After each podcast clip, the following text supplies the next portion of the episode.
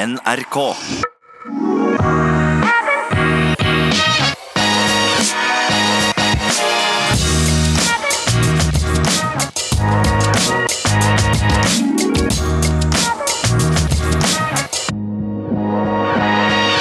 Hjertelig velkommen til I det lange løp. Vi ruller i vei, vi, med en ny episode. Mye på programmet i dag.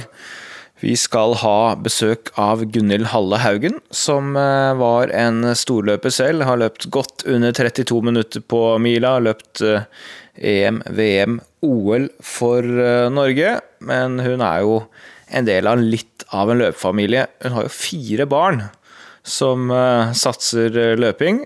Og så har hun jo en far som var med å løpe OL-finalen i 72, så dette her har gått litt i arv. Hun har hatt sin far som trener, og hun har vært, og er, trener for sine barn. Så her er det veldig mye å komme inn på. Både om treningsfilosofien har gått i arv, hva som eventuelt er forandret, og hva som er utfordringen med å trene egen barn, og, og hva det blir lagt vekt på når man uh, trener yngre utøvere. Men før det skal vi til Christian Ulriksen, vår mann som ble operert i vår for uh, Haglunds hæl, og som sakte, men sikkert har bygd seg opp igjen, og som den siste uken har vært med i en konkurranse igjen. Uh, hvordan var det, Christian? Nei, det er jo en gang sånn at når du skal hente litt motivasjon, så må du finne ut hvor det er flere andre som skal trene. Så vi har jo vært litt på fellesøkt på torsdager her i, i, Oslo, da. Og så klarte vi jo nå å presse oss inn der på perseløpet på fem kilometer. Fikk ordna oss et, et, startnummer, og så fikk vi jo tatt opp dialogen der med han Per August på ti år om hva hans plan var. Så da var det rett og slett å stille opp og så springe så fort man klarte, og se hvor det her bar av gårde. Ja, jeg måtte jo rett og slett opp der og, og, se hvor dårlig form du var i, med egne øyne. Uh, så jeg, uh, jeg løp en på forhånd selv, ti kilometer, for å teste hvor eh, dårlig form jeg selv var i. Konkluderte med at det var ikke all verden. Så tenkte jeg er Christian noe bedre enn meg nå? Det var jeg litt spent på. Og så var det litt artig da at du skulle løpe litt sammen med, med Per August på ti år, som er sønnen til Gunhild Halle Haugen, som er eh, denne ukens gjest. Det var litt spesielt å, å, å, se dere løpe ut der. Du er jo en halvmeter høyere og, og, og la i vei. Jeg vet du har løpt 2,21 på maraton. Eh, også denne tiåringen hakk i hæl. Var litt spent på hvem som skulle runde siste hjørne eh, først. Men der kom eh, Per August, gitt. Tiåringen. Lenge, lenge foran deg. Fikk tatt bilde av han. Du storma i mål. Eh, det vil si storma og storma. Ehm, jeg har vel ikke sett deg mer anspent i løpestilen noen gang. Det var nesten så jeg begynte spontant å le når jeg så deg, men du ga iallfall gass. Du hadde det vondt og kom deg i mål. Ja, altså Når du først taper deg et startnummer, så får du stå for den du er, og så får du springe så fort du klarer til mål. Så det var, eh, det var ærlig innsats. Eh, fem kilometer på 18.05, det var det vi var gode for her nå den 29. august. Da. Så var jeg jo så i fjor, da. da på 31. august, så akkurat ett år og to dager før, da sprang jeg jo 40 km på 3.30 i snitt på, på perseløpet. Så ett år og kanskje rykka en 10-15 divisjoner lenger ned, men vi er fortsatt aktiv idrettsutøver. Ja, jeg gjorde et intervju med deg og Per August eh, like etter at dere kom i mål. Per August løper på 17.35, som er en eh, aldeles strålende tid. og vel en slags uoffisiell europarekord for uh, tiåringer. Uh, la oss høre på det. Ja, Christian. Uh, ditt første tur med startnummer etter operasjon. Hvordan var det? Det så jo ikke bra ut, men hvordan føltes det? Ja, det var artig. Det var tungt, selvfølgelig. Det var 10,25 tror jeg, på 3000 med ampere. og så så dunka Per ifra resten av feltet. Hadde nok med å komme til mål. Jeg tror jeg fikk 18.02. Så det var, var hardt. Nøyaktig ett år siden jeg sprang 40 km på 3.29 her oppe. Så det er ferskvare med trening. Hvordan var det å få den opplevelsen der på slutten? Det var egentlig greit. Altså det, man merker jo at muskulaturen er jo dårlig til å holde seg oppe. på en måte. Så først får det litt, så detter man jo sammen. Men det var artig. Det var jo bra å springe med Per også. Bare gjøre seg klar til flere nye løp. Ja, Han er jo en halvmeter lavere enn deg og, og spant ifra deg bortover der. Hva tenkte du da? Nei, som sagt, jeg tror han stakk på sånn 3200. og Da sprang han forbi hele feltet og alt av voksne folk, så jeg tror han fikk 17.35, så det er jo ny europarekord, og det var svært fortjent. Ja, Det var bra. Du får jo prøve å, å komme til deg selv. Må hører må høre med Per August her. Hvordan var det å løpe fra Christian? Det var gøy. Det var sånn, Jeg kjente etter tre kilometer at jeg ikke var helt ferdig, og jeg så at Christian pusta ganske mye, så da var det bare å kjøre på. Han pusta fælt, ja. Ja, han eh, begynte å han måtte plukke meg for jeg begynte å løpe fra han, så, så bare løp jeg fra han. Du får lære han litt om disponering nå etterpå, så kanskje han, eh, det er håp for han òg. Ja, jeg tror det. Jeg tror han kan komme ned mot 2,20 snart. Ikke siste løpet mot Ampere i år. Det må bare finne nye muligheter før revansj. Ja, Per August han har uh, troa på det, han. Tror du er ned mot eh, 2,20 eh, på maraton om ikke så lenge. Hva tror du sjøl? Nei, jeg får meg, gi meg sjøl et år, da. Berlin i 2021, da må det kunne gå. Men det var, det var artig å springe med Per. Det var imponerende det å springe med en såpass liten person, men eh, så eh, ja, såpass rutinert å springe. Han har jo åpenbart trent mye med folk og vant å springe i felt. Og når han dro fra hele feltet der med 1500 meter igjen i motvind, der, så var det imponerende. Så var det artig å være med òg. Og eh, det å stille opp på konkurranse når man er i litt dårlig form, det er egentlig en, en, en fin meny for å få en god treningsøkt og for å bli litt mer motivert til neste gang. Ja, jeg skal innrømme at jeg kjenner en god del som aldri hadde gjort det du gjorde der, så jeg syns det er ganske tøft. Det er bare å få gå ut der. Du vet du er i råttent slag, og få en måling på hvordan eh, du ligger an. Eh, brutalt, men jeg tror ikke det er dumt. Hva tenker du? Nei, altså, jeg visste jo at det var i dårlig form. Om jeg var god nok for å springe på 19 minutter eller 17 minutter, visste jeg jo ikke. Men jeg visste jo samtidig også hva Per skulle prøve å springe på. Så det var jo liksom å prøve å holde jevn fart rundt 3.30. Vi åpna jo på 3.23 der i litt medvind og litt nedover. Og så var det 3.28 og 3.31, og så neste kilometer hadde jeg 3.42, og da sprang han ganske jevnt på 3.30 igjen, så jeg visste jo på en måte hva jeg gikk til. og Syns jo det var greit. Det blir nok ikke siste løpet. Jeg tror vi tar en ny runde oppe på, på Bæsjeløp om en par uker. Kanskje få en ny 5 km. Det funker også fint. Det er under 20 minutts løpetid, og, og, foten kjente jeg jo heller ingenting til der. Så eh, alt i alt var en, var en fin lørdag der oppe på Bæsjeløpet.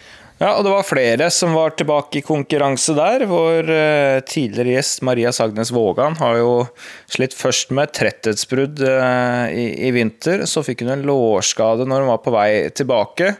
Og, og debuterte jo på bane her litt tidligere på 3000 meter, men dette var hennes første løp på, på gate og hennes andre konkurranse på veldig, veldig lang tid vil jo være en av favorittene under NM på 10 000 meter, og, og stormet inn på det som vel ble 16-14 til slutt. Kan høre hva Sagdes Vågan sa om å være tilbake i det gode selskap. Maria, hvordan var dette her, å være tilbake med startnummer også på vei?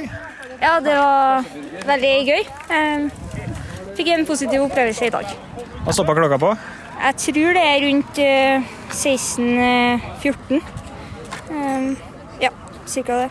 Da konkluderer vi med at du er i, i rute til NM? Ja, positivt. Eh, jeg syns det var en positiv opplevelse i dag. Så, ja. Men eh, nå har du jo løpt to konkurranser etter den perioden du har hatt med skade osv. Hvordan er det å, å, komme i gang med konkurranser igjen? Er det et sjokk for kroppen, eller går det greit? Ja, det var litt sånn eh, fartssjokk. Men det virker som jeg trenger litt flere konkurranser. Så nå hadde jeg et løp på tirsdag og så et løp i dag, så gikk det bedre i dag enn på tirsdag, så det går riktig vei, da. Hvordan var det å disponere i dag? Nei, Det gikk ganske jevnt hele veien, eh, egentlig. Så ja, jeg sprang ganske jevnt. Så det var bra. Og så gikk det litt fortere på slutten, så det ble litt progressivt da. Hva er planene nå for høsten? Nei, Jeg håper å få Jeg skal springe NM, og så eh, håper jeg kanskje få løpt eh, en halvmaraton NM-hall? Eh, ja, håper kanskje det. Da er vi fem kilometer unna her, så det er jo gode muligheter. Eh, gratulerer med godt løp. Ja, takk for det. Ja, Hun er jo en eh, ganske beskjeden løper, Maria Sagnas Vågan. Jeg syns det der var eh, bra, jeg. Ja. Ja, jeg er helt enig. At hun er beskjeden, det tror jeg mest er i frykt for å si noe feil på denne podkasten. For egentlig så er hun ikke så beskjeden. Men hun gjør en god innsats på trening, og det som jeg har vært inne på før, hun er liksom ikke den absolutt råeste talentet i Norge, men hun er blant dem som trener best, og det er også en grunn for at hun har tatt mange medaljer i NM-sammenheng. Så jeg gir henne en bra sjanse til å Hun kan faktisk vinne gull på 10 000 meter òg, hvis hun skiløperen ikke stiller opp. Ja, så var vi innom på NM halvmaraton der. I starten av oktober så skal det gå på, på Jessheim. Er ordna om litt. Skulle egentlig gått en Oslo-maraton, men det er jo avlyst. Og så etter litt om og men så har det dukket opp uh, under eh, Norgesløpet på, på Jessheim. Det syns jeg er bra. Det er jo fint å få det i starten av oktober. Det bør passe for mange. Jeg håper vi får noen gode felt der oppe og noen gode tider. Hva, hva tenker du om det? Nei, jeg syns jo det er fantastisk at Ullkisa klarte å få heve seg rundt og tok egentlig litt sånn dugnaden på vegne av norsk friidrett og fikk inn det arrangementet. Og så har jeg jo sett i Sverige at det har vært arrangert både halv og det skal arrangeres helmaraton nå med, med, nesten alt av de beste utøverne de har. Så det viser jo at det går an å få til ting, og så er det litt opp til utøverne sjøl nå å rett og slett stille opp her i et litt vanskelig år, og så ta turen opp til Jessheim og så lage et bra arrangement som eh, det begynner å bli noen år siden det har vært ordentlig felt på en halvmaraton. og Det syns jeg jo at eh, må, folk må prøve å få til i år. Ja, jeg løpt gjennom eh, den der løypa tidligere, og den er ganske rask også. Så det kan bli noen gode tider òg. Jeg håper det blir kanonfelt på, på, NM. Det blir gøy med både NM bane og, og NM på vei etter hvert. Du, det var en annen kjenning av meg som dukka opp og løp nettopp halvmaraton her i helga. Eh, jeg hadde kanskje ikke forventa å, å, møte han på et sånn litt sånn dedikert uh, supermosjonistløp på, på, sand, men der dukket Nicolay Ramm opp, gitt. Husker du den videoen han lagde når han uh, løp Oslo Maraton-løypa uten å være forberedt i det hele tatt? Ja, jeg skal jo si at jeg er egentlig personlig ganske stor fan av han Ram. Og etter at jeg fikk se det der eh, greia han var igjennom når han skulle springe gjennom maraton der eh, direktesendt, og de der eh, sårene og den opplevelsen han hadde underveis der, så husker jeg tenkte òg at han der Nicolay Ramm han blir vi å få se mer av med løpesko. Ja, han, han hadde jo, har jo hatt et program på, på kveldstid på NRK, og der han et innslag han faktisk løp Paris maraton. Det gikk mye bedre.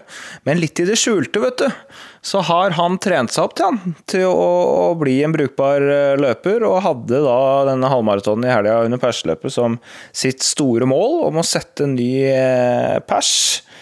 Eh, og han var ganske høy på seg sjæl når jeg eh, møtte han. La oss eh, høre hva Nicolay Ramm har lært om løping siden han krasjlandet i Oslo Maratonløypa for noen år siden.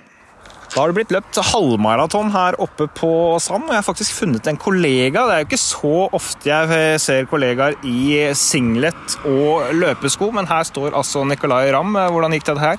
Du, Det gikk altså så sinnssykt bra. Jeg er dritfornøyd med egen innsats. Klarte målet mitt, disponerte riktig og setter en pers som jeg aldri kommer til å slå. Det hadde jeg nesten ikke eh, trodd jeg skulle høre deg si. Eh, kan vi luke ut tida her òg? Du, jeg klarte faktisk 1 time og 35 minutter ganske på sekundet. Så det, det er pers med ni minutter. Så jeg har, jeg har, en kjempedag her i dag, Jan. Ni minutter? ja, Da må vi snakke med nesten halvt minutt på kilometeren. Her har det skjedd ting. Det har skjedd ting. Har, korona har gjort meg ganske godt. Det ble mye tid hjemme plutselig, og da var det ikke så mye annet å finne på enn å begynne å løpe en hel del. Så jeg har vel løpt 60 km i uka cirka, i snitt siden mars. Og det utrolig nok så funker trening, da man blir jo bedre av å løpe en hel del. Så det har blitt litt sånn formtopping og lagt det litt i programmet. Og jeg har tatt det litt seriøst, og det er karbon i skoene, og det er alvor. da. Så det, det er en ny hobby som, eh, som, gir meg en hel del. da. Ja, og den målgangen i dag må vel ha smakt bra? Ja, fy fader, da var jeg såpass dårlig. Jeg fikk virkelig ut absolutt hver eneste kilokalori jeg hadde å kjøre på med holdt på å drite på meg siste 500, men klarte å holde igjen. Så det kom en liten fjert ca. på 19-20 km, men ellers så er jeg like hel, altså. Ja, det er bra. Her uh, må jeg bare konkludere med at du har lært. For når det kommer til løping, så er jo du mest kjent for en video du lagde før Oslo Maraton for noen år siden. Gå inn på et eller annet sted på nettet og se den. Søk opp uh, godeste Nicolay Ramm og maraton, så kommer den rimelig kjapt opp. Da var prosjektet å løpe Oslo Maratonløypa uten noen som helst form for forberedelse. Du kan jo kjapt oppsummere hvordan det gikk. Ja, Da hadde jeg ikke trent noe som helst. Da var jeg ikke så interessert i løping. Dette var jo de glansdagene mine når jeg var i midten av 20-årene, og da løp jeg vel på endte jeg på, 5 timer og 21 minutter. Så det var et uh, direkte mareritt av et TV-innslag. Uh, men som samtidig også var med på å starte karrieren min litt. da. Så det jo, kom noe godt ut av jævelskapen. Men ja, det, er, det har lært en hel del om både tre, trening, teknikk, puls, uh, frekvens osv. siden den gang. Ja, for du, du fikk jo gnagsår overalt du kunne få gnagsår. Du åpna altfor hardt. Du, Ja, dag. du spiste ikke nok. Jeg har Eh, smurt inn pupper og skritt og armhuler i dag med sånn gel jeg har kjøpt i utlandet og greier. Faen så seriøs og nerd jeg har blitt på de greiene her, men det er gøy, da. dusjen etterpå blir mye bedre, vet du. Gjør det. Men så seriøst, eh, hva tenker du du har lært på, på veien her som gjør at du kan eh, komme i mål på den tida du gjør her i dag? For det er jo noe helt annet. Det er noe helt annet. Nei, jeg har lært å løpe forskjellige typer økter. Ikke løpe alltid like fort. Løpe noe kort og noe langt. Litt sånn uh, i ulike intensitetssoner. Lært om pulssoner. Noen økter løper jeg liksom i sone 1-2, andre litt hardere, sone 4-5. Sånne ting gjør at uh, liksom hjertet trener. da.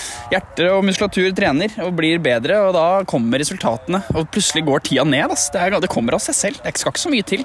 Det kjipe med det er jo at når du først er i gang, altså som nå, hvis jeg nå går en uke uten å løpe, så er jeg jo tilbake der jeg begynte. Det, det varer ikke lenge, det her. Så nå blir utfordringen min å bare orke å holde det gående. Det er ferskvær, ja. Det, det blir tøffere å perse med ni minutter neste gang. Men eh, hva med selve gjennomføringen av løpet der? Virker som det har vært noen forskjeller der òg. Ja, er, jeg kom jo fra liksom, en langrennsbakgrunn hvor man, eh, jeg ga alltid alt fra start. For da har du alltid en nedoverbakke å hvile i. Du får ikke hvile når du, når du løper. Så det er en litt sånn annen måte å disponere et utholdenhetsløp på. da. Du må liksom klare å holde igjen. Så i dag var jo utfordringen å ikke bli for ivrig fra start. Og det, det gjør jo vondt. Det, det svir jo på en måte litt mentalt å vite at der kunne jeg løpt fortere første kilometeren, men det straffer seg jo mot slutten hvis du ikke gjør det. Så um, jeg traff bra i dag. Ja, var snittet rundt 4,30? Hvordan ja. artet dette seg underveis? Ja, Det var jo grusomt. Det er klart, det var jo helt et jævelskap av et løp. Men eh, når du har disponert riktig, da, så er det liksom, det er likevel eh, noe å kjøre med. Selv om det føles tomt. Så de siste tre så klarte jeg til og med å øke farten. Og var helt ned på 4,19 vel på siste kilometeren. Så det, i min verden er jo det helt fenomenalt bra. Ja, Det er jo fantastisk bra disponert. Eh, Jeg er rett og slett litt eh, imponert. Eh, Er Det, det trodde jeg ikke skulle si om, om, om deg, men eh, her er det flere som kan lære litt. Løpe jevnt.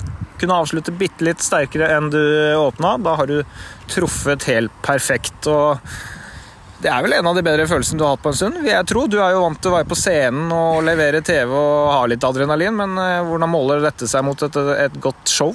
Nei, det er, det er rart å si det, men det er jo helt opp og nikke ved siden av. da, For der ligger så mye arbeid og nerver og liksom litt sånn dis man må være disiplinert i livet sitt også da, for å få til det der. Jeg har måttet liksom stå over litt fester og moro og bare drikke tre glass vin til middag. Liksom, det er en sånn der valg man tar da, som gjør at dette gir resultater. Hadde jeg ikke gjort det, så hadde jeg ikke vært der jeg er i dag. Plutselig at Man går jo ned i vekt. òg. blitt så tynn at det hjelpes. Under 80 kilo nå. Jeg har ikke vært under 80 siden jeg var 18 år. jeg. Det er eh, bare fordeler med dette. Ja, det det. Så Nei, Nicolay Ramm, eh, smått litt høy på seg selv Ja. på en gangvei ute i middle of nowhere ved Sand. Det var hyggelig å se, Nicolay. Lykke til med neste mål. Ja, tusen takk. Nå skal jeg hvile i fire dager, tenker jeg. Ja, han har lært, han der. Ja, Oppsummert vil jeg jo si at det der er noe av det drøyeste utviklinga en eh, person i Norge har hatt på løping. En ting er nå den farta på, eh, på, og den tida han sprang på. Det andre er jo det han summerer opp der som han har lært underveis. Alt fra gode joggesko til tigerbalsam til alt mulig annet. Det er jo det er en mann som har løpinga mye å takke. Han gikk jo fra at ingen visste hvem han var, til at hele Norge vet hvem han er nå, og alt pga. at han begynte å springe.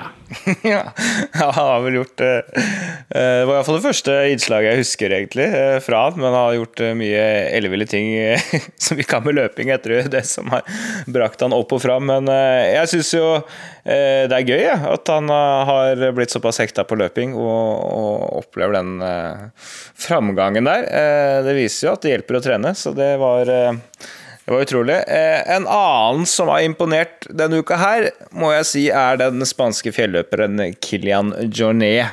Han er jo kongen av fjellene, eh, og har vært det i veldig, veldig mange år. En, en løper veldig mange ser eh, opp til, både når det kommer til å løpe motbakkeløp, til å løpe ultraløp i, i fjellene, til å gjøre elleville stunt. Han var jo oppe på alle 2000-metertoppene i Horungane på et døgn der i sommer, som var helt spinnvilt. Men denne uka her så har han dratt til med en, en form for treningsøkt som jeg må si nesten blir stum av.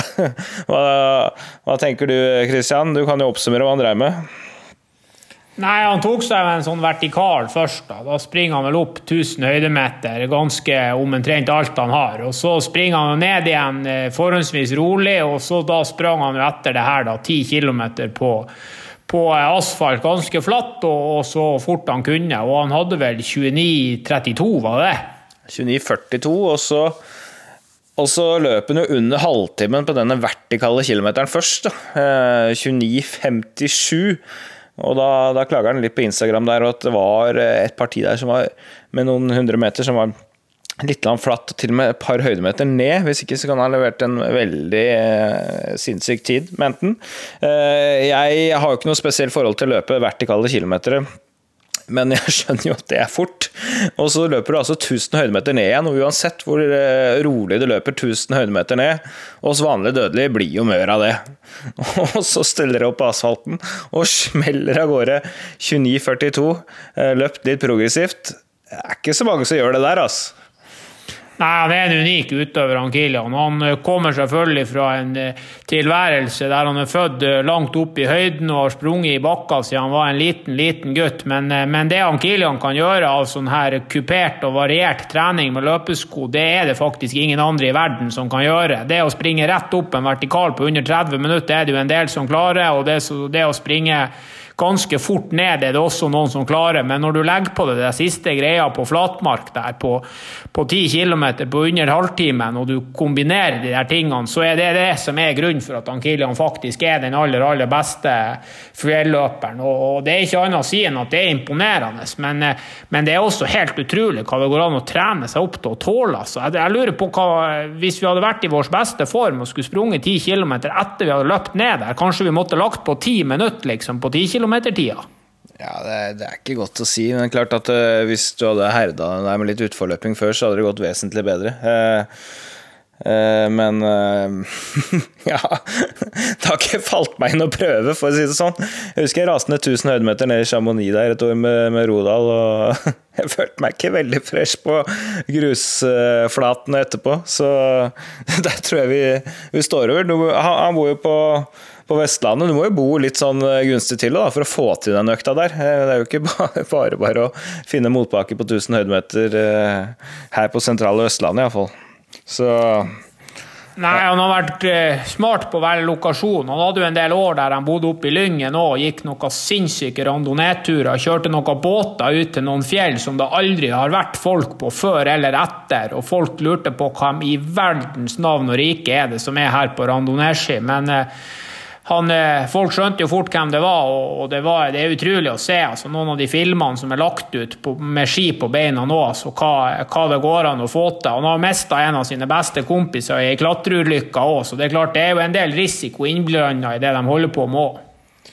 Ja, det er jo, han har jo noen rekorder opp og ned noen av de høyeste fjellene på ulike kontinenter. Så han uh, har gjort ganske mye spinnvilt. Han burde vi fått tak i og, snakka med, rett og slett. Det må vi prøve å få til en gang, hvis han er interessert i, um, i det. Du, det er jo um, stort frihetsstevne den dagen denne podkasten kommer ut, i Brussel. Der var det utgangspunktet brukbar norsk deltakelse. Eh, Sondre Nordstamon skulle ut mot Mo Farah på en timesløp, og brødrene Ingebrigtsen eh, med Philip og Jakob skulle løpe 1500 meter. I dag kom meldingen med at Philip sliter med en legg og står over, så da har vi Jakob igjen på 1500.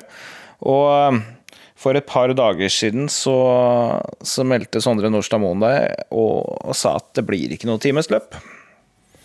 Nei, han hadde hatt seg økt der på, av en ganske solid lengde, der han og Renato etterpå hadde blitt enige om at eh, formen eh, mot London og muligheten i London er faktisk så stor nå at, eh, at risikoen med å stille opp på en time i, i Brussel med, med piggsko eller noen helt andre lette, tynne sko ble rett og slett for stor. Han føler sjøl han går glipp av litt for mye trening, og, han Renato har jo egentlig vært litt motstander av det, det Brussel-forsøket hele veien. Så jeg tror for en gangs skyld at han Renato òg fikk litt viljen her, og så tror jeg at han Renato fikk se en del ting på den, på den ene langturen der som gjorde at han er såpass stor optimist for London at da tror jeg han Sondre ikke fikk noen valg heller. Ja, sånn er det, men det er en del andre som skal ut og løpe timesutfordringen, med Mo Farah i spissen. Gå for verdensrekorden til Haile Gebre Selassie, så det blir jo spennende. Vi hadde jo i sommer og vår en timesutfordring. Den ligger for så vidt fortsatt ute. Du kan se på i bio på vår Instagram-profil hvordan eh, det ligger an der. Der kan du også registrere ditt eget resultat. Eh, eh, da får vi se de aller, aller beste i verden da, på akkurat det én times løp. Hvor langt tror du Mo Farah kommer? Nei, skal vi se hva Farah kan springe.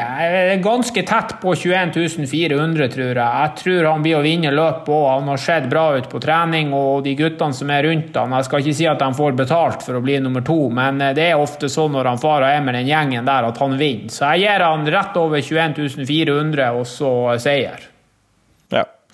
Jeg tipper han kommer inn på 21 300 og noe lavt, ja. Får vi se.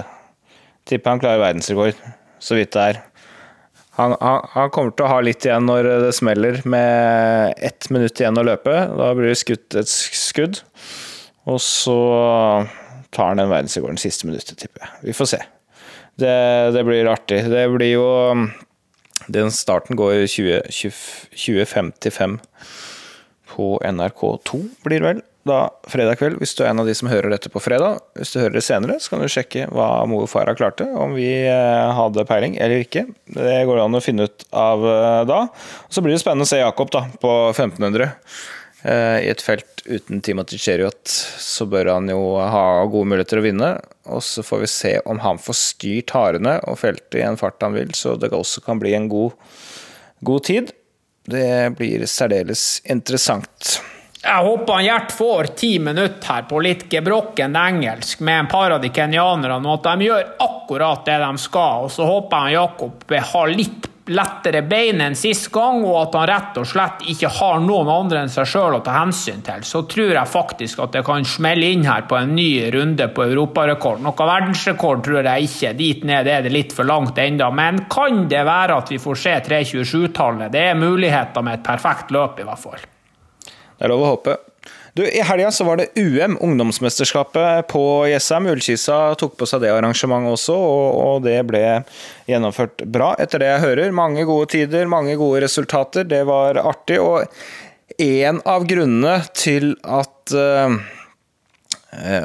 denne ukens gjest ble gjest nettopp denne uka, for uh, hun, uh, Gunhild Halle Haugen, trener jo da sine barn, og, to av dem var jo aksjon under UM og plukka vel totalt tre medaljer, vil jeg si. Tvillingene Ina og, og Maren. Eh, men dette med å trene unge folk som skal opp og fram eh, i, i, løping, er jo noe vi er opptatt av. Eh, så det var interessant å, å snakke med en som, som, driver med dette til daglig. Det er jo litt av en familiebedrift.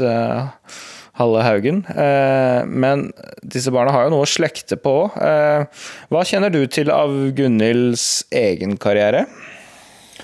Nei, det var jo den perioden jeg var egentlig kun interessert i fotball, at hun drev og sprang. Så jeg har ikke noe tid og sånn. Jeg vet jo at hun har sprunget rimelig fort, og som du var inne på tidligere, vet jeg jo at hun har deltatt på, på de største mesterskapene som har vært. Men noe mer kjennskap enn det har jeg rett og slett ikke.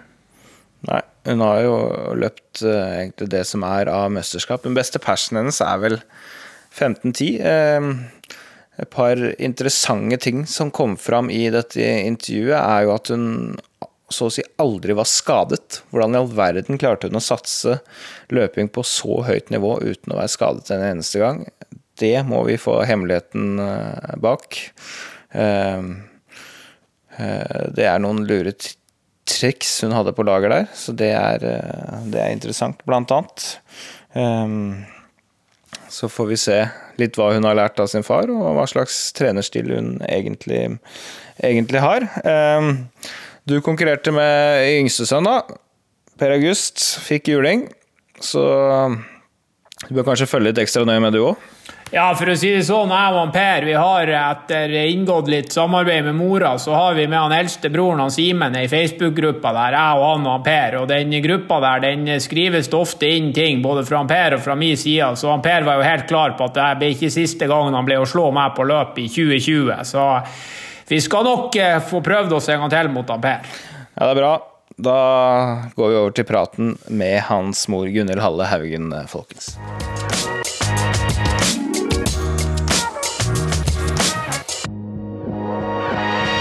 Da er det på tide å ønske velkommen til en ny eh, gjest. Og det er ikke hvem som helst. Hun har en far som har løpt OL. Hun har fire barn som holder eh, høyt, høyt nivå, er på vei opp. Og selv har hun løpt EM, VM, OL.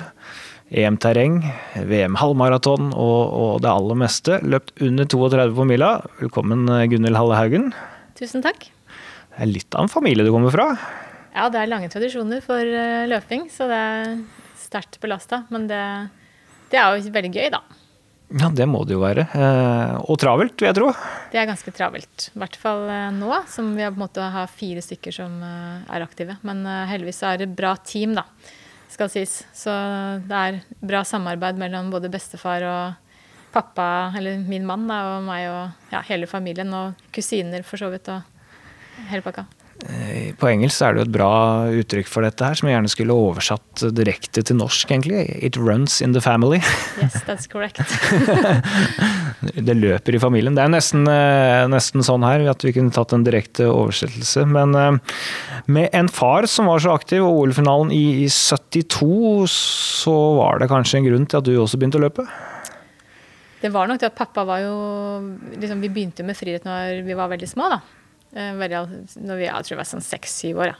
Så vi var jo med for det meste. Men samtidig så var det sånn at han var veldig sånn Han la ikke noe sånn press på at vi skulle satse på friidrett, eller liksom at det er det vi bare skulle drive med. Vi var jo, drev med veldig mange forskjellige ting da vi var små. Både friidrett og alt mulig av sang og musikk og alle slags aktiviteter. Så jeg begynte jo selv veldig seint med friidrett, egentlig. Jeg var jo egentlig jeg begynte egentlig ordentlig med friidrett før jeg kom på sisteplass i NM i terrengløp da jeg var 17 år. Eh, da gikk det opp et lite lys for meg at eh, faktisk man måtte kanskje trene òg. så det var ikke noe sånn veldig sånn alvorlige saker, egentlig. Men uh, veldig sånn tradisjon for at man kunne ta seg en joggetur, da. Og, ja. Du er jo født i 72, samme året som han løp OL. Hva husker du av hans karriere, om noe? Husker egentlig veldig lite, men jeg, synes, jeg, husker at han løp noen ganger på Bislett, og at han så veldig sliten ut. Det er det eneste jeg husker fra han da jeg var liten. Men uh, han holdt jo ikke på så lenge etter at vi var store. Så jeg husker egentlig ikke så veldig mye av det. Bortsett fra at det er blitt veldig mange historier som har blitt fortalt da, opp igjennom når jeg var mindre også, fra hvordan det var å løpe med de 70-tallskameratene og være på treningsleir og, og, hvordan det livet der var. Og veldig mye artig. Så jeg har liksom vokst opp med den kulturen her, da. Ja, det vil jeg tro var noen mm. gode historier. Det er noen gode historiefortellere i den den gjengen eh, der også. Ehm, men hvor, hvor, tidlig kom han inn som på en måte din trener, og, og ble det seriøst da, etter den eh, episoden i 17-årsalder, var det du sa? Ja, egentlig så ble det da han ble kobla inn som trener. For før den tid så hadde jeg egentlig en klubbtrener som var, uh, trente litt, var fra Tjalve for så vidt. Som, ja, han bodde i Sandefjord, da. Men da trente jeg litt mer sånn mellomdistansetrening. Som, og fungerte kanskje ikke så veldig bra på meg. Og så fikk jeg vel litt sånn blod på tann jeg kom sisteplass gjennom. Og da husker jeg pappa sa at ok, nå enten så må du begynne å trene, eller så må du begynne å gå på ski, eller du må liksom ja, ta et valg, da. Og da tenkte jeg at ok, jeg hadde løpt egentlig relativt bra når jeg var sånn ja, 11-12 år, så løp jeg ganske fort på en 5 km i sånn lokale gateløp. Jeg tror jeg var sånn under 20. Ja. Eh, så jeg hadde liksom i meg, eh, og var veldig ivrig til å gå på ski når jeg var yngre.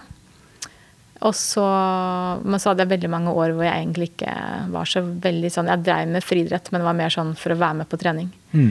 Og så tok jeg et valg da, da. Og da fikk jeg liksom første trenings, ja, treningsprogrammet fikk jeg vel da jeg var sånn 17. da.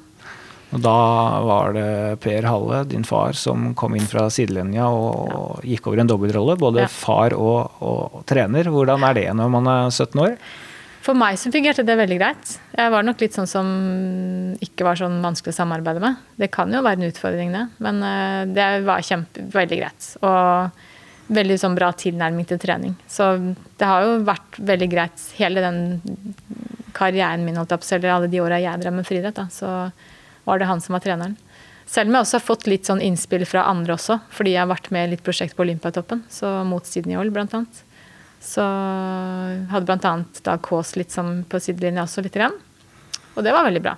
Så nei, det har fungert veldig greit. Men det er jo ikke alltid det kan fungere. Men uh, kanskje lettere med far-datter uh, enn far-sønn, det vet jeg ikke. Eller mor-sønn, eller ja. Det, kan til, det, kan vi jo komme tilbake til. Eh, vi har jo hatt en episode med din sønn Simen og mm. din far eh, Per, så den er det jo bare å gå inn og lytte på hvis dere vil gå litt eh, nøyere inn i treningsfilosofien på 70-tallet, og vi sammenligner litt med den dagen i dag. Men vi kan jo ta litt om hva slags filosofi som, som hjalp deg opp på det nivået du faktisk kom, kom på. Hva slags type trening var det?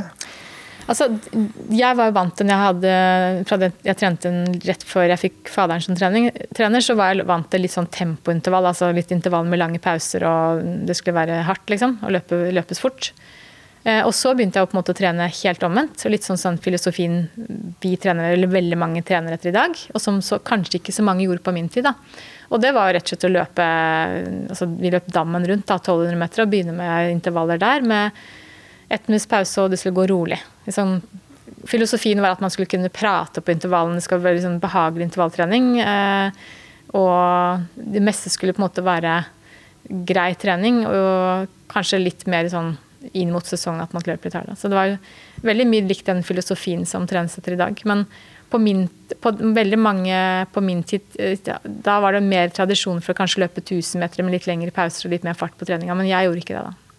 Nei, det ble, ble et skifte for ja. deg. Det var litt eh, Ragnhild Kvarberg også fortalte om, at ja. hun fikk et veldig løft eh, etter å ha gjort det skiftet Det. Hvordan, mm. hvordan merka du det på kroppen? Jeg merka at jeg kom i veldig god, rask kondisjon, god kondisjon. da. Og økte jo på en måte kondisjon og alt og hurtighet. Altså, jeg ble bedre på 1500 meter og, også.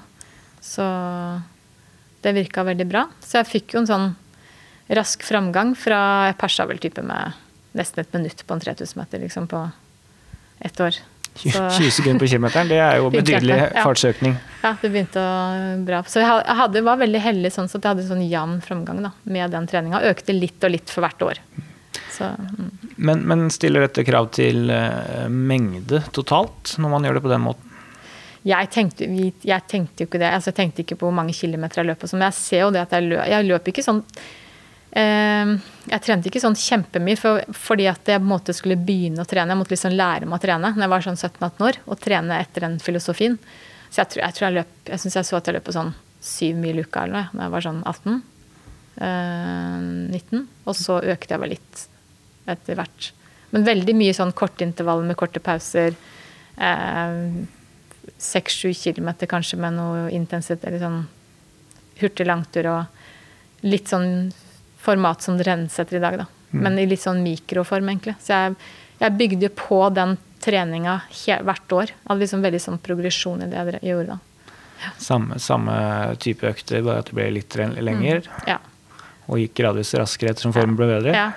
Og så var jeg jo etter hvert, da, når jeg har trent en del år, så var jeg også litt sånn kreativ på at jeg fant ut en del av de tingene jeg kanskje burde bli bedre på. Eh, blant annet for å løpe 10 000 meter og sånne ting. Og da trente jeg veldig mye spenst, f.eks. og bakkesprint. Og putta inn en del sånn andre elementer inn i treninga. Mm. Det høres jo veldig likt ut som, som, det vi hører om nå, når ja. vi bringer inn litt, litt spenst, som vi hørte Webern Rodal snakke om, og, og bakketrening, ja. som jo er eh, ekstremt populært nå. Eh, to ganger ti ganger 200 motbakke er det det ja. går, i, går, i, nå. da vi hørte hos dere òg. Hva slags type bakketrening var det du kjørte? Altså Jeg kjørte ikke sånn fast uh, hver lørdag, liksom som det vi gjør nå. da. Jeg kjørte den Lydiard-metoden, eller trente mye etter de prinsippene. Så jeg hadde bakketreningsperiode på våren. Som ja. de gjorde på 70-tallet. Fem uker. Formoppkjøringsperioden, rett og slett? Mm, rett og slett før du hadde banetilvenning.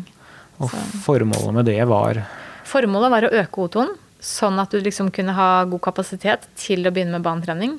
Eh, og så på en måte var det å få opp den løpsøkonomien på bane og den biten der, den tok du tok banetreninga.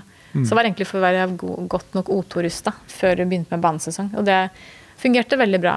Det drev jeg egentlig med hele min Helt til jeg var liksom ferdig å løpe, egentlig. Den filosofien. Jeg hadde ikke bakkeløp på vinteren, men jeg hadde bakkesprint. Det kjørte jeg én til to ganger i uka da. Og da snakker vi om sånn 60-80 meter, eller? Ja, 100 tror jeg jeg løp, faktisk. Ja. Og sånn åtte til ti repetisjoner. Gode pauser. Ja. Jogger veldig rolig ned. Mm. Ja. Så det var litt sånn styrketrening òg for min del. da. Mm. Styrkeløpsbevegelsen. Ja. Eh, et spørsmål med den filosofien her er jo overgangen til å, å løpe på bane og løpe fort. Eh, fordi Jeg skal ikke si det er behagelig intervallfart, men du snakker om at man skulle prate litt. at Vi har hørt Per tidligere snakke om at man skal kunne ta ganske mange drag til i samme fart ja. hvis, man, hvis, man, må. Mm.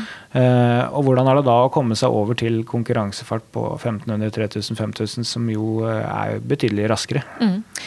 Jo, det er jo det som er betydelig raskere. Men én ting som, man, som kanskje ikke pappa huska, eller jeg skal ikke si han ikke huska det, men jeg løp faktisk eh, jeg løp rolig på terskeltrening. Og etter hvert så var jeg også veldig nøye med å løpe. Jeg jo, har jo aldri tatt en laktatprøve, men jeg løper jo med pulsklokke. Ja. Så jeg var veldig nøye med å løpe Vi tok jo sånn laktatprofil et eh, par ganger i året i hvert fall. Så jeg løper veldig kontrollert under terskel, som vi sier. Den terskelpulsen. Men jeg løp kortintervaller én gang i uka. Og det gikk fort. Altså Da løper jeg 200, 300 og 400 meter med mange repetisjoner, men det gikk i konkurransefart. da. Med, eller relativ konkurransefart. Så der fikk jeg liksom inn den konkurransesteget egentlig gjennom hele året. Sånn at man kunne liksom fint delta et løp midt på vinteren hvis man hadde lyst til det, og det gikk greit, liksom. Ja, det, det, er jo en type økt som kan være fin å ta med seg for eh, mosjonister også, tenker jeg. Altså, mm. 45-15 er jo ganske populær. Det er jo mm. litt av det, litt av det samme, men både 300 meter og 400 meter og 200 meter med mm. kort pause. Man lurer nærmest kroppen med den korte pausen, som gjør at man kan holde ja, 3000 og 5000 meter fart på trening uten ja. å bli dønn stiv. Absolutt, og, og det, var det, det som var tanken. Ja. Det, det, er litt av trikset. Mm. Absolutt. Uh, og så får du ganske godt volum på konkurransefart på den eh, måten. Ja. Hvilken effekt følte du det ga? Nei, effekten var jo egentlig at du ble muskulært eh, måte, forberedt og herda til å tåle sammenhengende løp i konkurransefart. Mm. Så det du trente på, egentlig, var jo den stimulien der. Eh, samtidig så på en måte eh, Ja, så du fikk Ja, det, så du var liksom, det var litt av poenget med den økta. Så den O2-biten Det kan nok hende, som jeg har sett litt i ettertid, kanskje altså Jeg løper jo noen konkurranser på vinteren som ga litt O2-boost, men muligens burde jeg hatt mer O2-trening på vinteren òg. Eh, men eh, jeg, gjennom den bakketreningsperioden vi hadde på våren, så fikk du liksom opp den biten der, da. I de mm. fem ukene vi hadde det. Men disse korte intervallene én gang i uka, mm. føler du at man tåler begrensa av det, eller hva, hva tenker du? Om den type trening? Jeg tror det er veldig smart egentlig å ha det. Uh, rett og slett for å ha variasjon i trening òg. Hvis mm. veldig mye av treningen blir veldig lik og lik fart, og du alltid løper terskel på for gutta tre blank, da, så tror jeg at det, det gir for litt variasjon. Mm. Så jeg har veldig troa på å trene kortintervaller uh, på vinterstid. En dag i uka hvor det går litt sånn radig unna, og med mm. litt korte pauser. For det blir jo på en måte ikke så anaropt allikevel, fordi pausene er så korte at du men det går fortere og fortere etter hvert jo bedre form du kommer i. da. Ja, og Samtidig så ser man at pulsfallet i disse korte pausene er jo ikke spesielt stort. Så, så, snittpulsen på en sånn økt blir jo rimelig høy. Da. Den blir veldig bra, effektiv trening. Absolutt.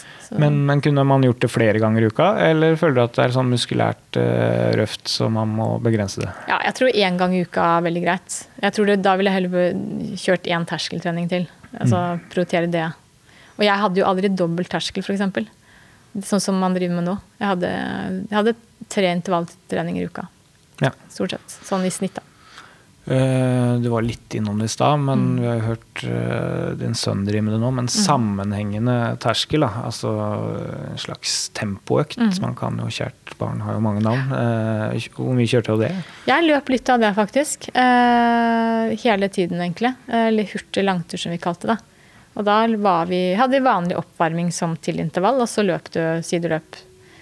Ja, I starten så løp jeg vel 6-7 km når jeg var sånn rundt 20 ish, og så økte jeg etter hvert. Og når jeg løp på slutten, men når jeg begynte å løpe 10 000 meter i mesterskap, da, så var jeg oppe i 60 minutter.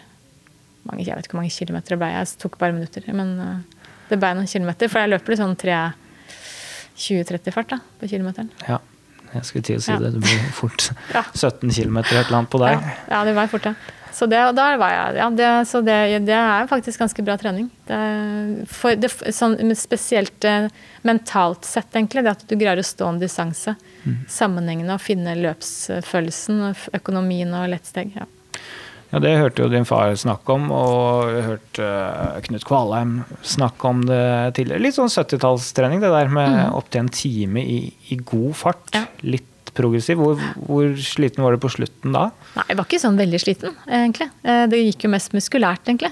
Mer enn pusten. For du var jo ikke oppe i noe sånn høy O2. Du ligger jo kontrollert, liksom, på Og jeg var mye mer nøye. Det skal også sies at eh, når jeg var litt yngre, så trente jeg nok en del over terskel òg, når det gjaldt 1000-metere. Men etter hvert når jeg har trent noen år, så var jeg veldig mye mer nøye med å holde meg liksom innafor rett sone, da. Men Det er et spørsmål jeg liker å, å stille, egentlig. Hvor ofte tok du i alt du kunne på trening? På sommer, altså mot banesesong, så tok jeg alt jeg kunne på trening. Ja. Mm. Men jeg er også veldig nøye på at det gjorde jeg bare visse deler av året. Men jeg stiller, har jo stilt meg spørsmål kanskje etter om jeg kanskje burde gjort litt av det på vinterstid. da, Fordi jeg ikke hadde så mange konkurranser. Eh, kan være et poeng kanskje å ha noe mer Altså jeg mener den, det at folk løper 20-200 meter i motbakke på lørdagene, det er litt av den å ta i en del på trening. Altså ligge med en høyere laktat. da, Mellom 5 til 8 laktat. Og det tror jeg faktisk er ganske smart. Kanskje jeg kunne gjort det, jeg òg, egentlig. En som bringer fram det samme spørsmålet i hodet på meg, er faktisk Therese Johaug. Når hun går ut og gjør 31,40 med, med veldig god kapasitet og minimalt med løpstrening, Ja. iallfall flatt og raskt. Så begynner jeg å stille det spørsmålet. Bør man tenke på det òg?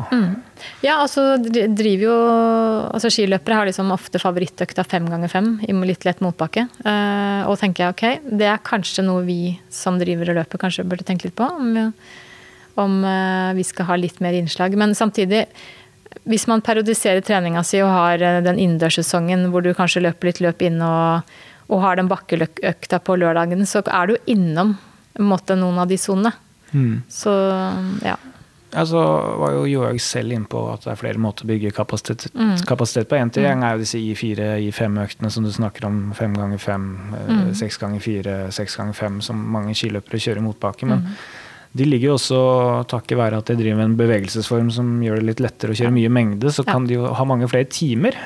Hva tenker du rundt det og, og løpstrening? Nei, altså, det er jo det som begrenser er muskulært, at du kan ikke drive og løpe mange timer om dagen. Eh, så, men jeg tenker jo også det at eh, jeg brukte veldig mye sjøl, etter hvert mye ski i min trening. Jeg gikk mye på ski, eller ikke mye, men jeg gikk to, i hvert fall to lange økter på ski i uka på vinteren. Og jeg svømte en time i uka, faktisk. Og hadde også litt spinning, eller sykkel. da. Ja. Så jeg trente ganske veldig allsidig og en del alternativt. Eh, spesielt i ressursperioden på vinteren. da. Ikke noe særlig banesesong. Og det tror jeg egentlig er kjempesmart. Eh, tror jeg også grunnen til at jeg aldri har hatt en skade. Jeg har, en, jeg har faktisk ser treningsdagboka, men jeg har ført treningsdagbøker i mange år. Har ikke én dag uten trening, liksom. Selv om Det er Så, jo det er et unikum. Ja, det er veldig, veldig jeg var jo veldig altså, nøye på det der med å ha liksom, progresjon i ting, og var veldig nøye med sånn detaljer i treninga. Styrke og masse spensttrening, sånn subs, maks, maksimal spenst, faktisk. Ja, nå ble jeg nysgjerrig, for at det der med å, å løper på det nivået og aldri hatt en skade, det tror jeg aldri har hørt om før, rett og slett. Så, Nei, det- men, men alternativtrening var én ting, men, men styrke, hva slags styrke? Jeg trente, jeg, jeg, jeg, kunne, jeg trente ikke sånn maksstyrke som de gjør i dag. For filosofien var det at det var ikke noe poeng å trene styrke hvis du løper over 3000 meter. Men eh, jeg trente step up eh, med vekter.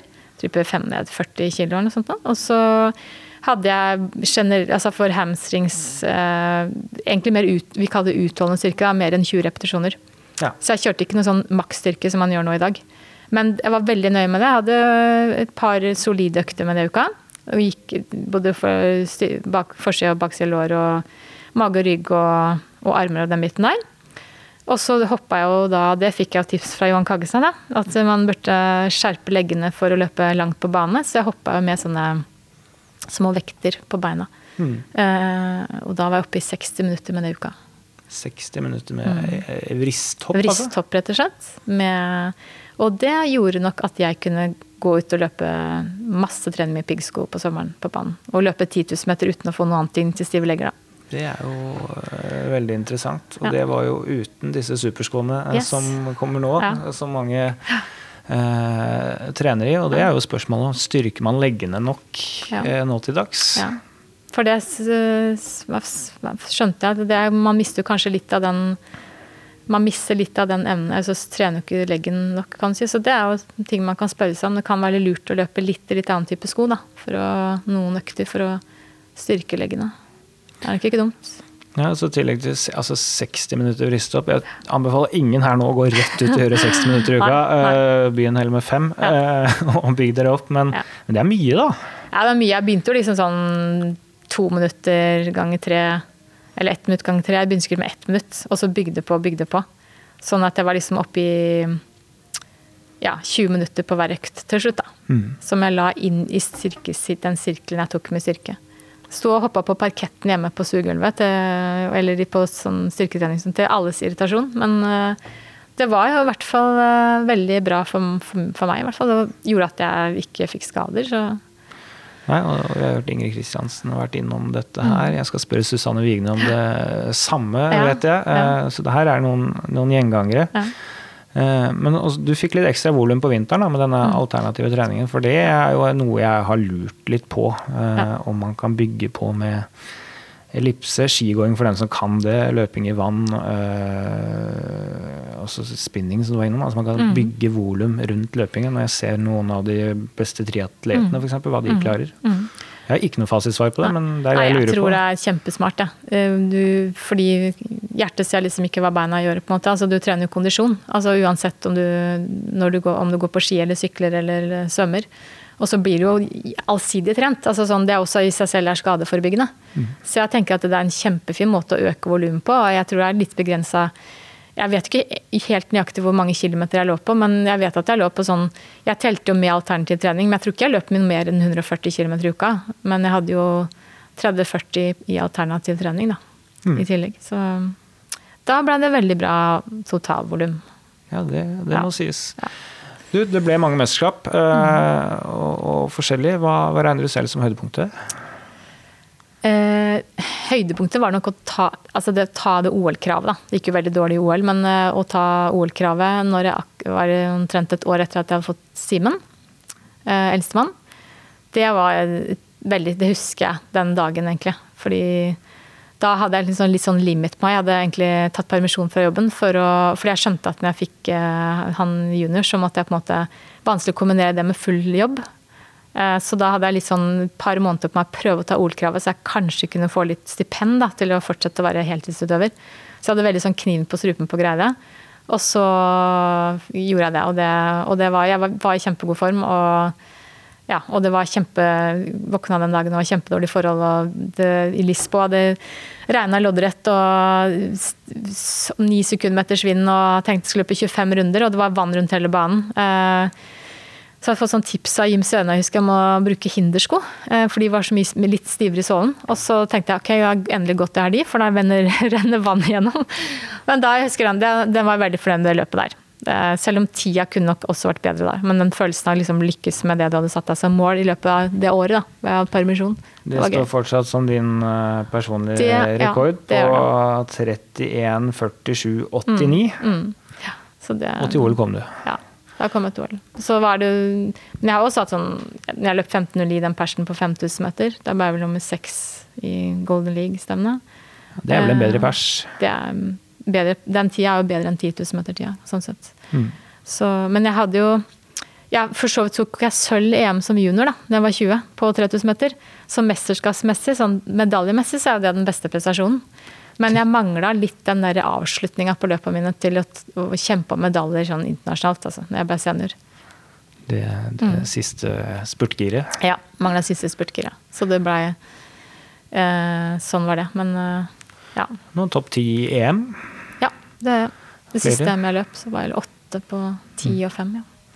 Så, så det er jo mye å, mye å ta tak i eh, sånn sett. Ja. Men eh, dette med å få barn midt i en toppidrettskarriere, eh, og spesielt løping eh, det har vært mye diskusjon, og mange som, som øh, holder løpinga gående. Noen får høre det litt av mamma og politiet, og, og andre syns dette er greit. Sånn. Hva gjorde du eh, når du ble gravid og skulle prøve å holde formen oppe i ni måneder? Nei, jeg løp jo da hver dag. Jeg løpte Jeg, jeg hadde i hvert fall én løpeøkt hver dag, og så hadde jeg en alternativ økt.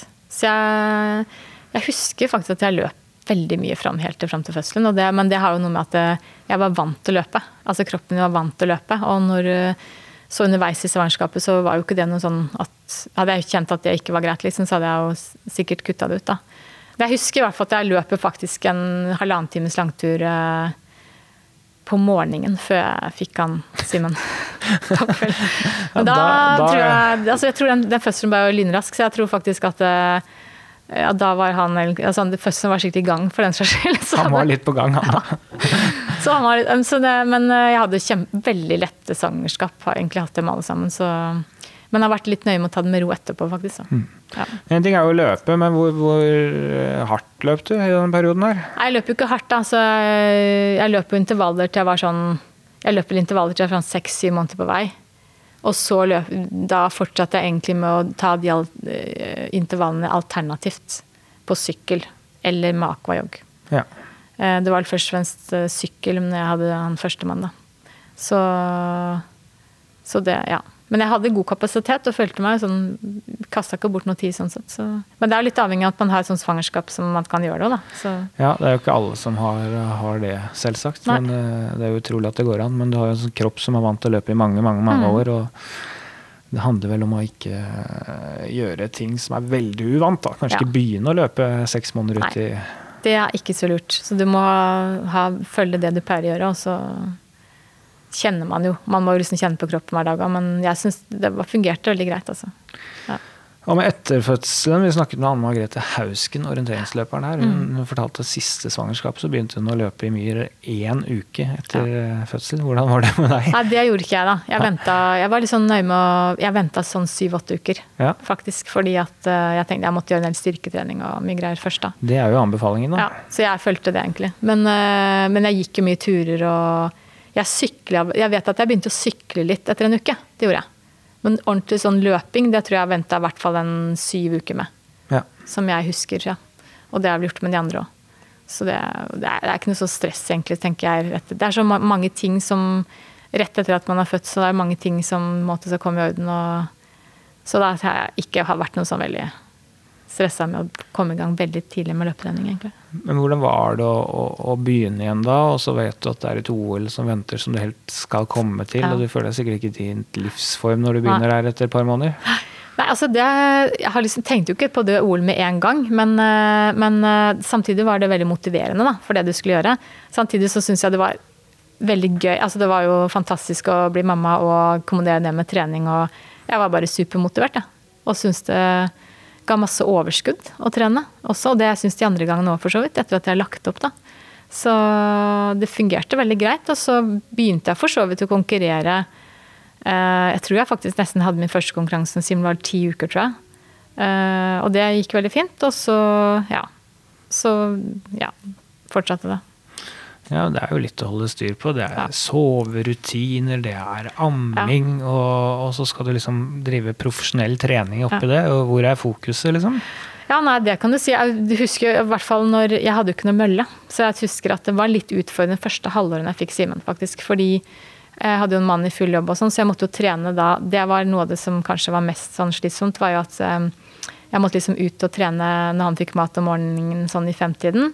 Så måtte jeg rett ut og trene eh, før mannen min dro på jobb. Klokka sju. Ja. Og det, da var det jeg sånn, kjente at det, det var litt sånn Jeg kunne godt tenkt meg å sove litt videre da, eh, men samtidig måtte jeg jo komme meg ut, da. Og så trente jeg når han kom hjem igjen fra jobb, da. Du er litt hard, da. Altså, etter Ja. en natt med litt amming Ja, og sikkert ikke 100 nei. søvn osv., og, og, så, og så klokka fem og rett ut. Du det hadde på en måte bestemt deg. Ja, det var men jeg var veldig sånn ok, bestemt. Jeg hadde en hund også som skulle luftes, en engelsk setter, så jeg hadde med den nå. Så flere baller i lufta. Men, eh, men det, etter hvert da, så var det jo faktisk sånn at eh, jeg to, løp jo NM når Simen var vel en Ja, det var på høsten, da. Da var han rundt syv-åtte måneder. Og da fikk jeg til en avtale at jeg fikk en mølle. Sånn at jeg så at det var litt eh, kunne være litt mer fleksibel. Og da begynte jeg å trene litt på formiddagen når han sov den lange da, med sånn babycall. Så da fikk jeg litt mer ro på å kunne faktisk trene litt kvalitetstrening på formiddagen. Litt mer uthvilt. Og så, så liksom løper jeg igjen på kvelden. da. Så det letta hverdagen en del, altså.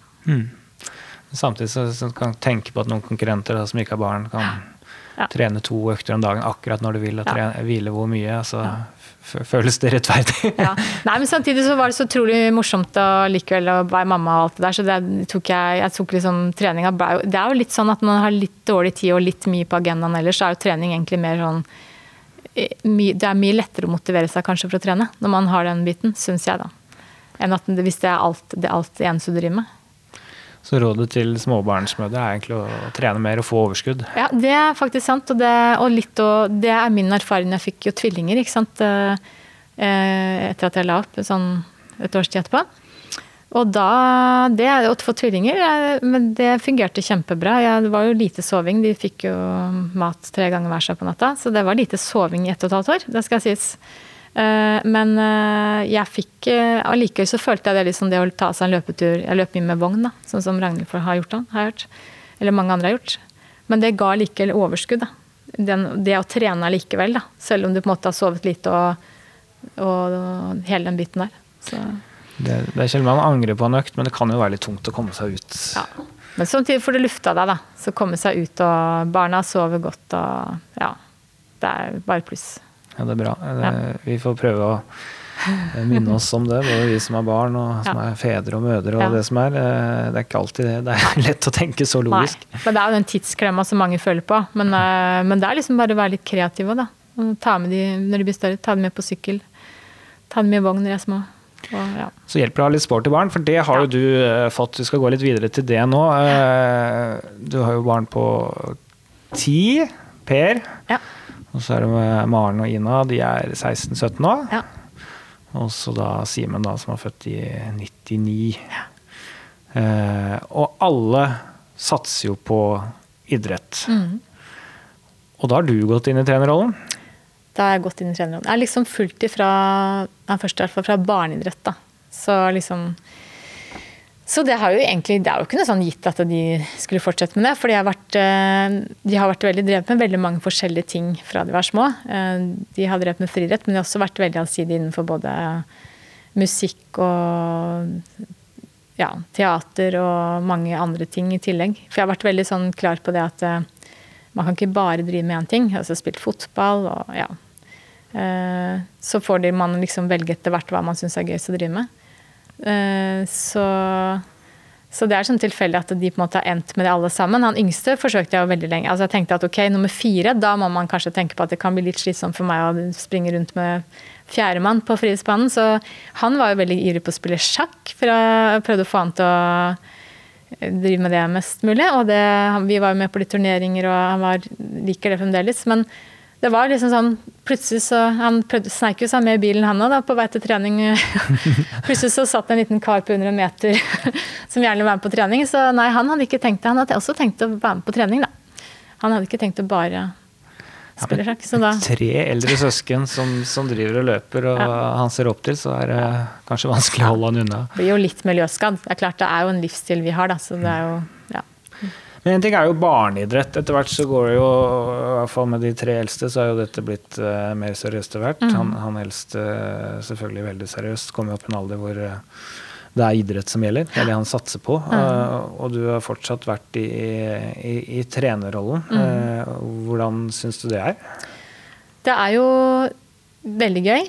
For det første er det veldig gøy å følge opp egne som på en måte gjør noe av det jeg likte best å gjøre. Samtidig er det også utfordrende. Fordi at du på en måte, du har jo en tett relasjon. Så det er, den, det er jo ikke alltid like enkelt på en måte, når du på en måte er helt tett på. Så det er klart at det nå, nå Det sa jo sikkert Simen litt om også, det i forhold til best, eller papp, faren min, eller bestefar, som også er veldig tett på i treningsarbeidet. Så han er jo den som egentlig følger veldig tett opp i gjennomføring av økter. Og sykler med han på en del intervaller og sånne ting. Fordi jeg er liksom begrensa jeg kan ikke være med på alt. I og med at jeg har eh, De trener litt på forskjellige dager. Så det er jo vi kjempeglade for. At eh, han har tid til det, og følger opp eh, sånn, sånn som han gjør, da. Og det er også litt av det med kommunikasjon også. For det er jo ikke alltid at eh, det, det jeg foreslår av trening eh, er godtatt eller går inn på radaren, og da er det greit å ha bestefar som sånn mellomledd der, da. Det blir mye diskusjoner om treningsinnhold. Ja, det blir litt diskusjoner av og til. Ehm, men det er jo veldig sunt, egentlig. For jeg tenker at det er på en måte Ok, jeg har min erfaring. Jeg har jo erfaring fra på en måte hvordan jeg trente og har drevet med liksom, idrett på høyt nivå. Men samtidig så er det jo en utvikling. Da. Så jeg blir jo aldri utlært, jeg heller, som trener. Jeg syns det er kjempegøy egentlig å se på en måte hva, hva nytt man kan tilføre inn i treningen til det man har, samtidig som man beholder den filosofien man også har. Så, så, jeg tenker det er bare veldig veldig positivt. Og det får meg også til å tenke gjennom det jeg foreslår av trening. Om, om det er liksom det man bør gå for. Så det er litt sånn læring i det òg, egentlig. Så sånn, jeg tror at det er veldig bra. Sunt og ja, egentlig. En ting jeg tenker kanskje kan være utfordrende, er hvis du som mamma sier nei til et eller annet. Det hender jo disse tenåringene og, spør om noe de mm. ikke får lov til osv. Og, så og så hender de blir litt irriterte òg. Ja. Og så skal du inn som trener et kvarter etterpå ja. og, og, og, styre et eller annet. Hvordan ja. er det? Ja, det kan lett bli sånn eh, dårlig overgang der. Men nei, det har gått egentlig veldig greit. Ja. Uh, syns egentlig det. Uh, det må jeg si. Det har ikke vært noen sånne store utfordringer akkurat der. Men nå er jo han en ganske sånn målbevisst Eller alle våre barn, egentlig. Veldig bein i nesa. Så de har jo klare oppfatninger av hva de vil og skal. Da. Men så, hvis det er godt argumentert, så er det ofte sånn at man måtte I hvert fall han eldste liksom tenker litt, og så ok, ja, det høres greit ut. Ja. Hvor mye av den filosofien fra egen trening er det du har eh, brakt inn i barnas trening? Egentlig veldig mye. Mm. Jeg, måte, jeg, er litt sånn at jeg kan ikke på en måte la, Jeg setter ikke opp økter som jeg sjøl ikke på en måte har noe forhold til. Det, det, merker jeg egentlig. Jeg er veldig sånn skeptisk til for mye nye ting som jeg på en måte ikke har testa ut sjøl eller ikke veit om funker. For jeg, jeg, har en sånn rimelig oppfatning av hva jeg tenker fungerer og kan gi et resultat som gjør at du kan løpe fort eh, og komme opp på et godt nivå. Så der er jeg litt sånn, det må jeg si, jeg er litt tro mot egen erfaring. Men samtidig så ser jeg også det at det, det skjer jo en utvikling, og, og, nå er det jo på en måte kanskje mer åpent da, hva andre av de beste i verden trener. Så det er absolutt mulig å ta inn Jeg har også tatt inn nye ting, impulser inn i treninga. Men jeg må jo si at det er veldig mange av de øktene som i hvert fall våre trenere er veldig mye av det som jeg trente, og som faderen trente, da. Ja, og da begynner vi å snakke om noen år til, tilbake. Ja. Eh, men hva er inspirasjonskildene nå? Hva, hva, er eventuelt det nye som er brakt inn det som har kanskje brakt inn, er jo litt, der, litt mer sånn bakketrening hele året på lørdager. Litt mer av kjøre den. Det hadde ikke jeg noe særlig av. Pluss at det er mer fokus på tyngre, altså maksstyrketrening fra kanskje 16-17 års alder. Som jeg tror er veldig bra. Spesielt for ja, jenter også, egentlig, for å få det til å styrke. Um, det er en veldig fin ting. Uh, også kanskje litt mer sånn å bolke treninga mer i forhold til inn mot at man kanskje kjører en mer sånn ordentlig innendørsperiode med konkurranser. Og, og, så er selvfølgelig også en bit med høydetrening også mer inne nå. Eh, jeg testa det litt ut, men ikke så systematisk som mange gjør nå. Men det er jo på en måte en ting som vi er liksom litt i tenkeboksen på også. Men eh, ja. Det er jo noen sånne nye elementer som man tar inn i treninga. Det er det. Mm. Et annet uh, moment som jeg ofte tenker på, jeg har ikke noe erfaring med dette med, med å skulle trene yngre, men skal uh, trening for yngre bare være en sånn miniutgave av et voksen toppidrettsliv? Eller hvordan skal man tenke når de er litt yngre? Ja, nei, Det er akkurat det som er et veldig viktig poeng. da. Fordi at når du trener Jeg begynte sjøl å trene egentlig veldig seint. Altså som trener ordentlig veldig seint. Så jeg ser at det, det er utrolig viktig at du har på en måte litt sånn ekstra ansvar som trener, og så føler jeg kanskje litt som mor òg, at det er jo barn i utvikling. Det er jo på en måte barn, altså ungdom òg, da.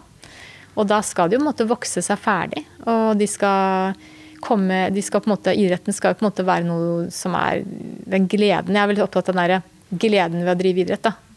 Det skal på en måte gi de på en måte, Det er jo venner, det er mye annet tilknyttet det å drive friidrett som på en måte jeg håper at det skal være positivt og gøy. Eh, og den biten der er jeg opptatt av at de på en måte skal få inn idretten sin. Samtidig som at de ikke skal drive noen sånn voksentrening i miniatyr. Da.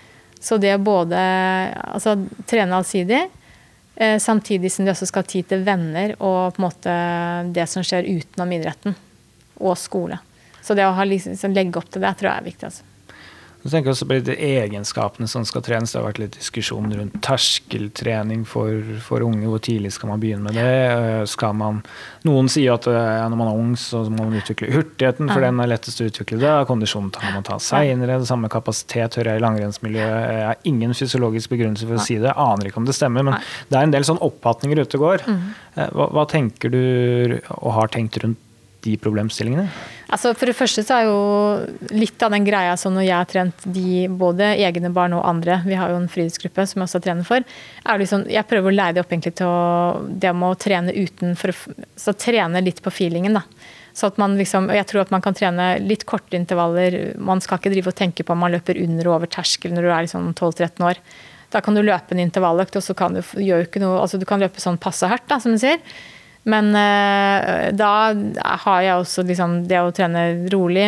Kanskje at tre soner er rolig, sånn intervall passe hardt og fort. Altså hurtighetstrening.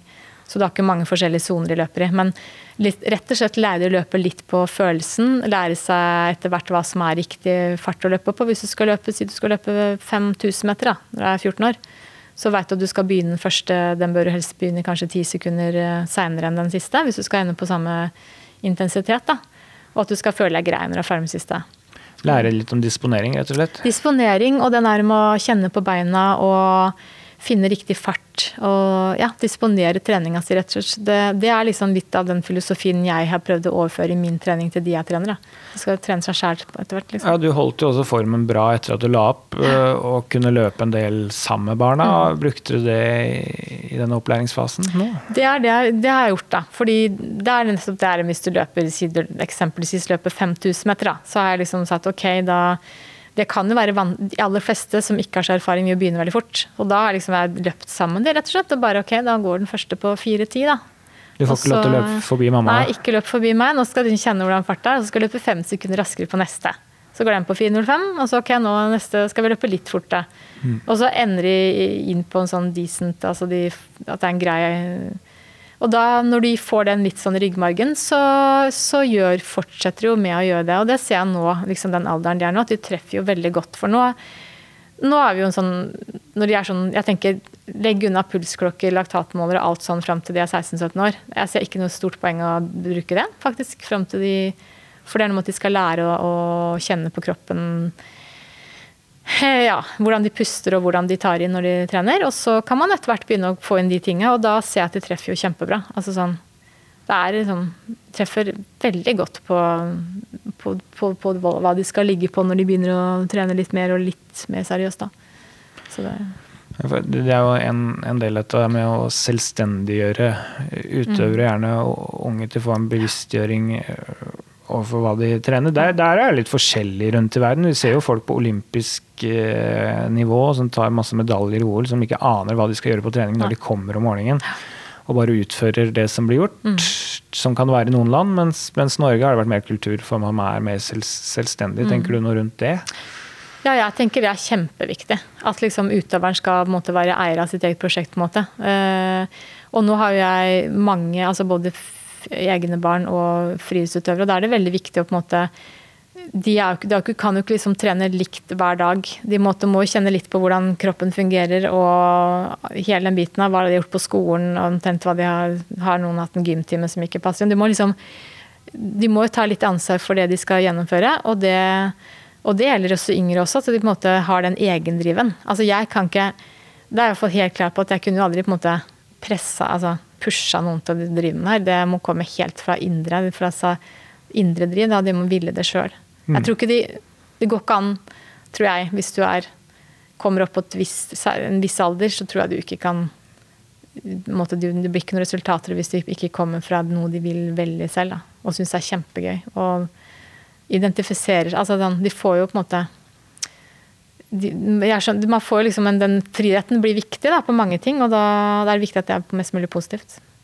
Men nå, nå er vi på, på Jessheim, det er ungdomsmesterskapet. Dette kommer ut noen uker senere. Mm. Eh, og da står du på sidelinjen og ser dine døtre kjempe om medalje og seire og, og det som er. Er det, er det mammaen som står på, eller er det treneren som står på sida? Hvordan, hvordan, er det? Ja, det er den. der er litt vanskelig. Det er liksom begge deler. Uh, Det er jo Ja. Det er, det er, jeg, jeg vet ikke om jeg skal skille de rollene, egentlig. Så jeg skiller jo det. Det er jo liksom forskjell på Vi er veldig sånn klare på å skille mellom trening og den mammarollen, da. Men samtidig går det en litt flytende overgang. Så det er vanskelig å si. Men uh, uansett da, så er jeg veldig opptatt Det som jeg tror er min fordel, i hvert fall fra det jeg driver med sjøl, at jeg på en måte kan hvert fall jeg føler at jeg fører ikke over noe forventningspress til mine egne barn. Det har jeg ikke. Jeg er veldig sånn klar på det at den forventninga må de på en måte ha sjøl. Altså jeg skal ikke forvente verken tider eller medaljer. Men jeg kan prøve å gi de, eller foreslå trening, eller som gjør at de kan ha mulighet til å nå de måla de setter seg sjøl. Men det der må jo være lettere å si enn å, å gjøre Ja. i praksis. For Ja. hvis du legger opp treningsopplegget for dem uke etter Mm, uke ja. og, og følger dem opp på trening og har du ikke en viss forventning til hva den treninga alt dere har gått, gjennom skal føre til? på en måte? Jo, altså, Eller er det forhåpninger jo. som er ordet, Ja. kanskje? Jo, da, da, ja, men samt, det, er- ja, man har jo viss håp om at ok, men så da er sånn, Jo, det er jeg enig i, men samtidig så kan jeg si at ok, ut fra liksom det dere har gjort på trening, så tror jeg dere kan mulig at du kan løpe på de, de tidene. Men Ja. det skal løpes, da. Altså sånn, fordi Poenget er at du kan også, det er jo en del som løper bra på trening og ikke får ut i konkurranse. Så det er jo ikke noe trykk, det er ikke noe fasitsvar på det. Så det viktigste, jeg, Noe av det viktigste de lærer nå, også fra de er yngre, da, er jo, jeg har alltid vært sånn at det bare konkurrerer mest mulig på ski og løpekonkurranser og være med på det du kan. Stå på scenen på teater eller hva det er. Fordi det handler om å liksom være der det skjer og takle litt sånn utfordringer. Eh, og det er kanskje noe av det viktigste de lærer nå, er jo på en måte den biten der. At de tør å stå i det og får liksom trua på sitt eget prosjekt. Og liksom få til det de vil når de står på banen. da. En ting jeg lurer litt på er liksom hverdagslogistikken hjemme hos dere. For du har altså en i 20-åra som bor hjemme og satser heltid i idrett. Du har to på videregående som satser for fullt på idrett, til og med litt hver sin idrett òg. Og så en på barneskolen da som ser opp til sine eldre søsken og er ivrig som bare det. Eh, Hvordan ser dette ut i løpet av en uke? Ja, er- Hvordan går det rundt? Det er, litt, det er ikke, jo, det er en rimelig litt kaos og litt struktur. Eller hva jeg skal si? Blanding av Det avhengig av litt struktur, vil jeg ja, tro. Det er litt avhengig av struktur. Nei, altså Det er veldig mye, mye sko i gangen og mye vaskemaskiner som går døgnet rundt. Og vi har ett bad, så det er klart det er kø etter trening. Eh, Så det er jo hurra meg hei. Men eh, det går på et vis egentlig veldig, veldig bra. Det er jo jeg også, ja, nei, så det, er, det går egentlig veldig fint. Men det er klart det blir jo Jeg skulle gjerne noen ganger hatt evnen til å være to steder på en gang. da, Det ser jeg jo. Fordi at eh, Simen trener jo litt andre dager enn Ina og Maren på, på det når de har bane- eller kvalitetstrening, f.eks. Så, men det er, sånn sett løser jeg seg altså ja, at jeg kan følge opp litt på han på egen hånd også, uten å ha med de to av hele familien. Men den som måtte, må bare være med i strikken, er jo han minste, da. For han får han må enten altså, Så det er jo Men det er jo veldig gøy, det vi holder på med. Det er klart det er Spesielt også fordi at det, det gås også på ski om vinteren. Eh, Fra så- Stavern. ja, fra Stavern. Og det er jo sånt skigreia som spesielt hun som Maren satser på, tar jo enda mer tid på vinteren. Og det har aldri greid hele den kabalen her uten å være gift med en som er like glad i det her som meg, da. Det skal sies. Ja, nei, for det jeg ser for meg at dette er litt altoppslukende Ja, på et vis. det er altoppslukende. Og eh, spesielt det hvis du også eh, skal følge opp alle like godt, og sånne ting, så må vi være to til tider. Og tre også, da, med bestefar. Så, og spesielt den skibiten, for den krever mye. Både av smørning og dra på Vi har jo hytte på fjellet, sånn at vi går mye på ski, hele gjengen egentlig, på vinteren. da. Jeg på følelsen at dere hadde slitt litt hvis jeg hadde tatt fra dere klokka. For det må være noen tidsfrister som skal lett rekkes i løpet av uka. Ja, det er det. Holdt foreldremøter og mange ting som skal følges opp. Så det, er, det stemmer, og det blir mange seine middager. Det er, det, ja, det, men heldigvis, vi spiser jo middag sent, da. Men det er klart kanskje litt seint for han minste noen ganger. Det skal sies. Men det er sånn det blir. Får du tid til deg selv, da? Ja, ganske flink til det. Veldig flink til å ta Være litt med venninner noen ganger og ta en kaffetur eller hva. Ja, faktisk ganske Finner Der har jeg faktisk en veldig god evne til å finne litt pusterom. Eh, får du trent noe? Det, ja, jeg, jeg, løper nesten hver dag, egentlig. Sånn småturer. Jeg sier at jeg liksom driver sånn yoga Nå har jeg så, så store barn at nå kan jeg faktisk løpe før jobb. Så jeg løper veldig mye fem kilometer på morgenen før jobben. Det tar 25 minutter. Og så det er det, Da er jeg kjempefornøyd. Det gjør ikke jeg noe mer resten av dagen. Fordi da følger jeg opp uh, de andre utenom på kvelden. da. Og så hender det at jeg er med på litt oppvarming, og så hender det også at jeg er med på hvis vi løper noe i sånn terskeldrag i Bøkeskogen, vi bor jo i Stavern, så da hender det at jeg er med på en eller to av de draga. Og så tar jeg kanskje en laktatprøve, så står jeg over et par, og så løper jeg siste. Så jeg er litt sånn eh, kom si, kom sa-trening. Men eh, jeg holder meg i sånn rimelig bra form, da. Så det er kjempebra. Og jeg syns egentlig det er litt sånn egentlig helt greit. Jeg kom til det stadiet at det, eh, det er aller gøyest å følge opp egne. Kanskje ikke så opptatt av prestasjoner. Men det hender jeg slenger meg med på litt sånn nyttårstrimmen eller noe den i gata der, da. Jeg har registrert deg på noen lister, det virker Ja. som det er i, i brukbar Ja. form. Men det er kanskje litt avhengig av det òg. Det, må jo være litt stress til tider. Ja. Og hvis du skal holde huet over vannet der, så er det kanskje greit å, å være litt i fysisk aktivitet. Men samtidig så er det også litt sånn at på vinteren, når jeg følger opp mye trening på vinteren, så er det veldig kaldt å stå og se på. Så der er jeg kanskje, er jeg kanskje enda litt mer ivrig på å i hvert fall løpe noen Jeg ligger jo langt bak, da, men følge opp litt sånn, løpe litt i baktroppen. For da Så det er ja, veldig greit. Ja, dette er veldig bra. Eh, tusen takk for at du gjestet eh, vår kjære podkast. Har vi lært litt om uh, mye diverse. Både treningsfilosofi, det å ha barn, det å være trener for barn og kombinere roller osv. Du får lykke til med disse fire barna framover. Jeg er i hvert fall veldig spent på hvordan det går. Tusen takk. Og så får dere bare følge med. Se etter eh, Halle Haugen på resultatlista.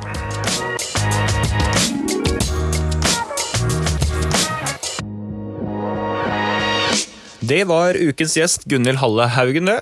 Takk til eh, henne. Vi kommer tilbake om en uke med en ny spennende gjest, med en ny historie å fortelle.